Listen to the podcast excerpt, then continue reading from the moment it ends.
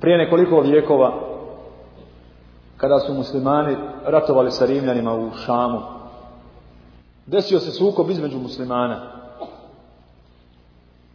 Pa su kazali glavešine Rimljana da je sada najzgodnija situacija da navale na muslimane. Ostao je samo jedan čovjek koji je svojim poslom bio odsutan, a bio je odviđeniji ljudi. Pa su čekali i njegovo mišljenje.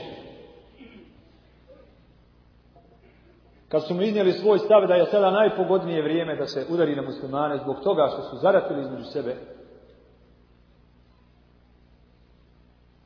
tražio je da dovedu dva psa i da ih zavade, da ih pokolju, da se između sebe kolju psi.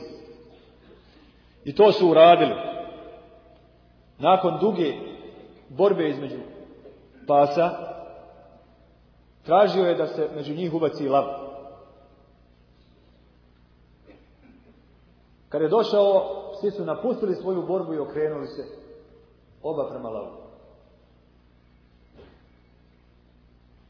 Bilo im je jasno šta hoće da poruči ovim. Htio je da kaže, pustite muslimane, neka se kolju, neka se istrpe, a ako sada udarite, zajednički neprijatelj će biti dovoljan motiv da se ujedine ostave svoje ste i da se odupru. Znači time ćemo da im povratimo jedinstvo. Nego pustite i neka, neka krvare i neka se ubijaju međusobno. Možda u svemu ovome kazao sam da ljudi zarađuju šrt ne mogu kazati, subhanallah, da većina vas radi šer. Prema tome imali hajra po nas. li hajra po nas. Pa možemo kazati da u svemu ovome što je nemilo, možda je po nas vjernike hajr upravo u tome. Što oni kojima je bio mio islam, uključujući nas, bez sumnje među njih, da smo sada vidjeli da imamo zaklete neprijatelje i pomalo zaboravljamo svoje nesuglasite. Ovim aludiram na šanse, ako ne već konkretne popravke u odnosu između nas i islamske zajednice. Između nas koji smo dobro pogriješili i koji smo bili vrući i prebrzi prema dijelu tih ljudi koji nas nisu mogli shvatiti, razumjeti i prihvatiti. To moramo kazati i uvećati i uveličati, makar i ne bilo veliko. Jer se od svoje greške počinje. A i ti ljudi, vidjevši da i mi nismo neprijatelji, Pogotovo kako je bilo urađeno da smo glavni i jedini neprijatelj, da je sve ostalo riješeno, počinju shvatati da su istinski neprijatelji munatici, koji kufur taje ili ga javno ispoljavaju,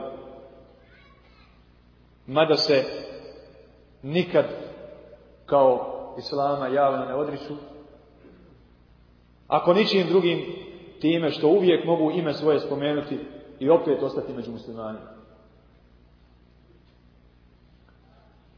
U tome trebamo vidjeti našu šansu.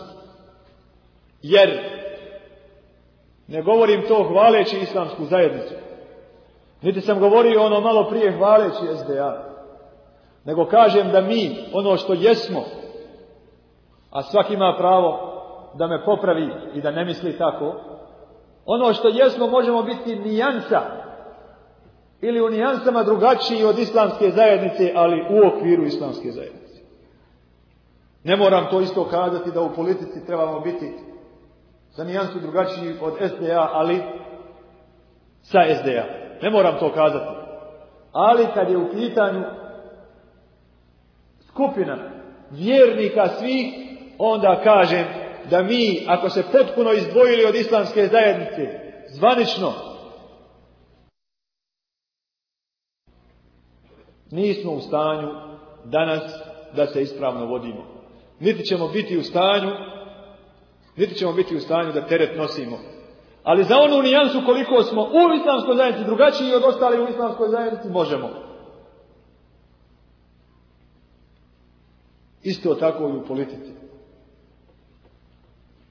Ali imamo svoj teren. Imamo svoje polje rada. Na samim sebi dugo i dugoročno. A isto tako sa ovim narodom. Ostati sa ovim narodom uvijek. I služiti i pomagati. Popravljati. Uvijek.